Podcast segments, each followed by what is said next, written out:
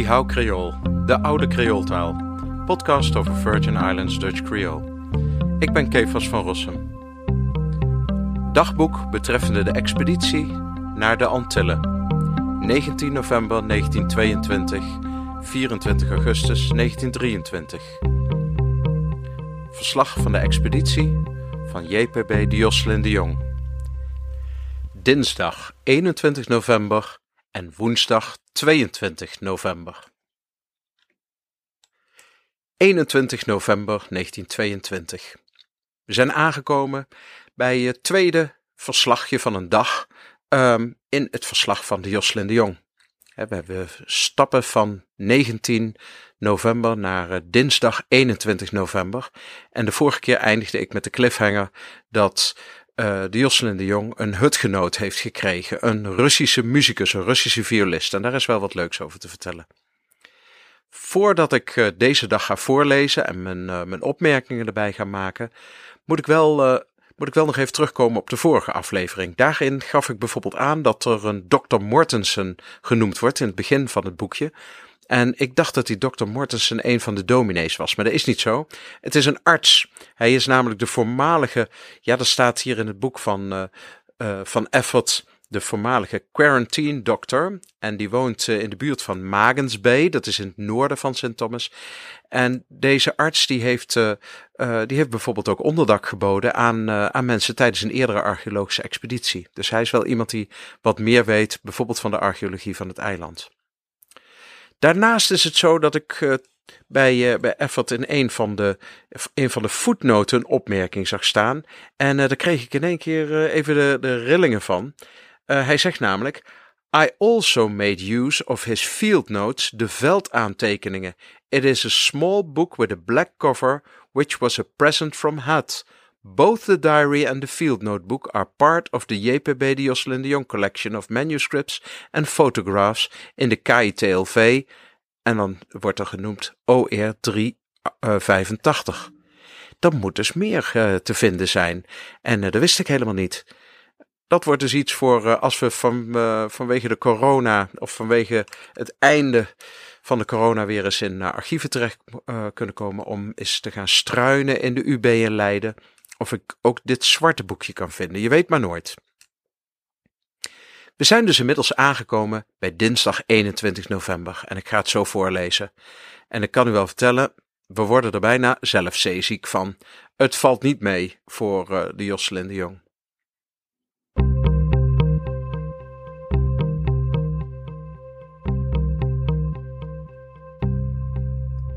Dinsdag 21 november een hutgenoot gekregen.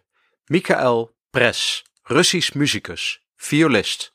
Vroeger professor aan het conservatorium in Moskou, geloof ik, en door de revolutie uit Rusland verdreven. Heeft ook in Holland gespeeld. Verscheidene jaren in Duitsland gewoond en nu op tournee naar Amerika. Ik kon het slechter getroffen hebben. Het weer is volgens de zeelui prachtig, niet koud en niet te veel wind maar ondertussen kan men op het niet beschutte deel van het dek bijna niet op zijn benen staan en stampt het schip erg. Nu voel ik me dan ook voortdurend min of meer onlekker. Moddersil helpt wel, maar niet afdoende. Men zou uh, dan vermoedelijk veel meer moeten nemen. Gisterochtend was ik bij het opstaan bepaald ziek. Met behulp van een kop thee slaagde ik erin twee heel kleine broodjes naar binnen te werken, maar moest toen ook haastig gaan liggen. Een uur daarna, ongeveer kwart over tien, nam ik een dosis moddersil, twee pillen, en bleef daarna uh, nog tot de lunch liggen, half één.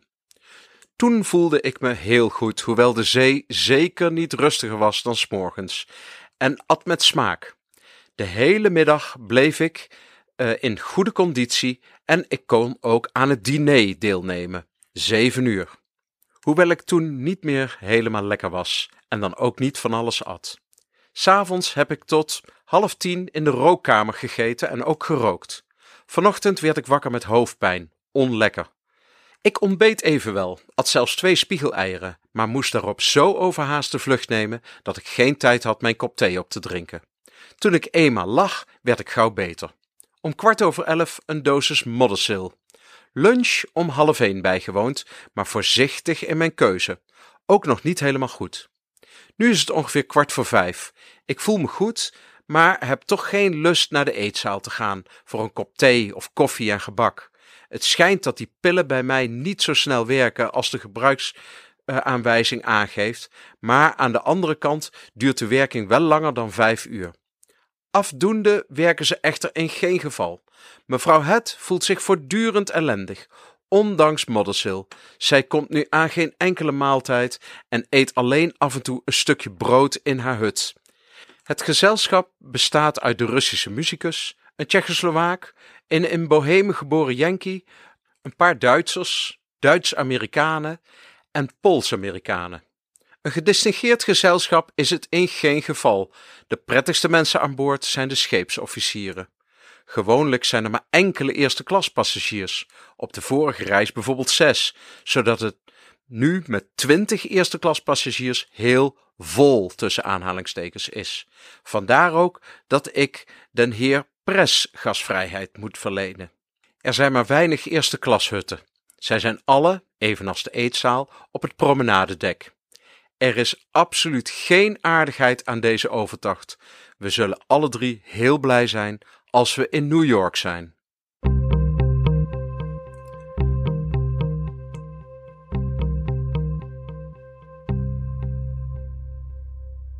Woensdag 22 november. Gisteren het diner, 7 uur, in mijn bed gebruikt. Vandaag ook den hele dag in bed gebleven. Nu is het weer rustiger.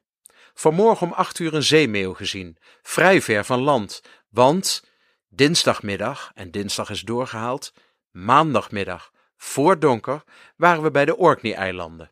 Heb vanmiddag weer een dosis moddercel ingenomen om het diner te kunnen verorberen. In de eerste klasse zijn maar weinig mensen zeeziek. Een paar zitten met groene gezichten aan tafel en eten haast niets. Het lijkt mij beter in bed te blijven en goed te eten. En aangenamer ook. Pres begint op zijn verhaal te komen en speelt op het ogenblik viool, boven in de muziekkamer. En hiermee eindigen de twee dagen die ik in deze aflevering wilde, uh, aan de orde wilde laten komen. We zien dat vanuit Kopenhagen de reis loopt ten noorden van Schotland langs de Orkney-eilanden en zo de Atlantische Oceaan op in de richting van uh, New York. Op de dinsdag uh, werd de naam Michael Press genoemd. En Michael Press, als we die gaan opzoeken, dan vinden we in de Engelstalige Wikipedia uh, best interessante informatie over hem. Dus er zal allicht voor specialisten nog veel meer te vinden zijn. Het gaat over Michael Moisje Isakovic Press, also known as Michael Press. En uh, hij is geboren op 29 augustus 1871 in Vilnius in uh, Litouwen. En op 22 december 1938 is hij in Lansing, Michigan, overleden.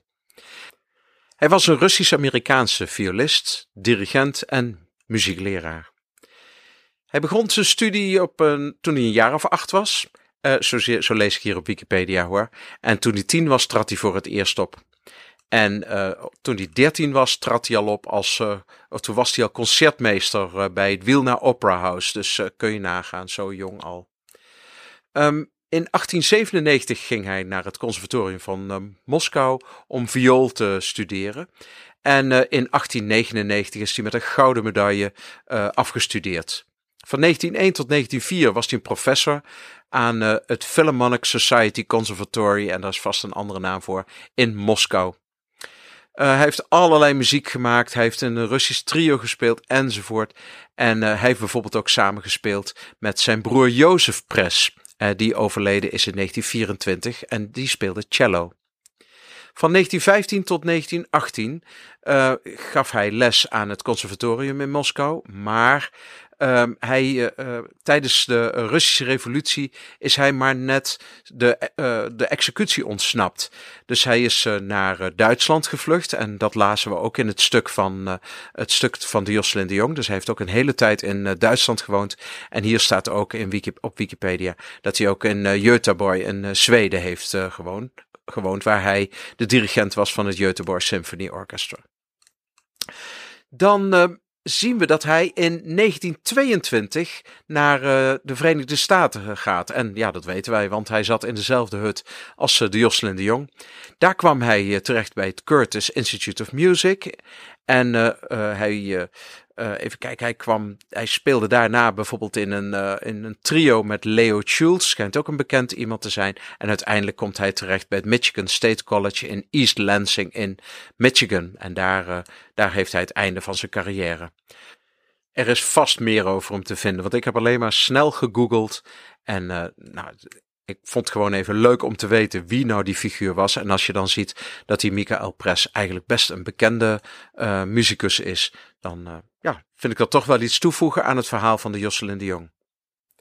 Een ander iets wat ik wel interessant vond, was dat voortdurende uh, voortdurende slikken van uh, Moddersil als uh, middel tegen zeeziekte. En als we daarna gaan zoeken, bijvoorbeeld in Delver, de grote database waar van alles en nog wat te vinden, ja, alle kranten in te zien zijn, maar waar ook een gigantische hoeveelheid aan basismateriaal en boeken te vinden is, waaronder overigens het huidige Negen Hollands van de Jocelyn de Jong. Daar vind ik in de Arnhemse Courant op 19 november 1908 een stukje uit de Daily Express. En daar staat: De Daily Express verzekert dat er een afdoend middel tegen zeeziekte is gevonden. De heer T.B. Moddersill, een Canadees, is de uitvinder. Enige dames en heren die slechte zeelui zijn, hebben de proef genomen, tweemaal het Engelse kanaal over en eens de Ierse Zee. Ze konden het nu straffeloos doen. Het middel bestaat uit twee poeders, waarvan het blad voorlopig niet meer mag meedelen, dan dat het ene wit en het ander bruin is. De poeders voorkomen en genezen zeeziekte. Wie het gelooft krijgt een daalder, plachten de Grims te zeggen.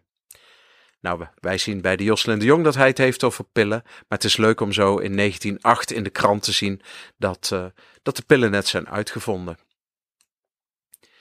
Nou, de Orkney-eilanden zijn we, zijn we voorbij. Um, het de volgende aflevering die gaat over, uh, over de vrijdag. Dus we gaan eens kijken uh, op uh, vrijdag 24 november hoe het verder gaat. Maar dat ga ik doen in een volgende aflevering. Ik hoop dat u met plezier naar dit stukje van het dagboek heeft geluisterd. En we gaan het hele dagboek voorlezen, dus er komt nog veel meer. Heeft u opmerkingen hierover? Heeft u tips voor mij of misschien vragen? We zijn nog, nog lang niet aan het, uh, het taalgebeuren, maar dat kan natuurlijk ook. Neemt u dan alstublieft contact op via mijn website diecreoltaal.com. Heel hartelijk dank en hopelijk tot over een week of twee. Het is mijn bedoeling om elke twee weken een grote aflevering uh, er neer te zetten. En uh, deze afleveringen van het dagboek, die zullen misschien wat onregelmatiger komen en misschien gewoon tussendoor. Heel hartelijk bedankt voor het luisteren.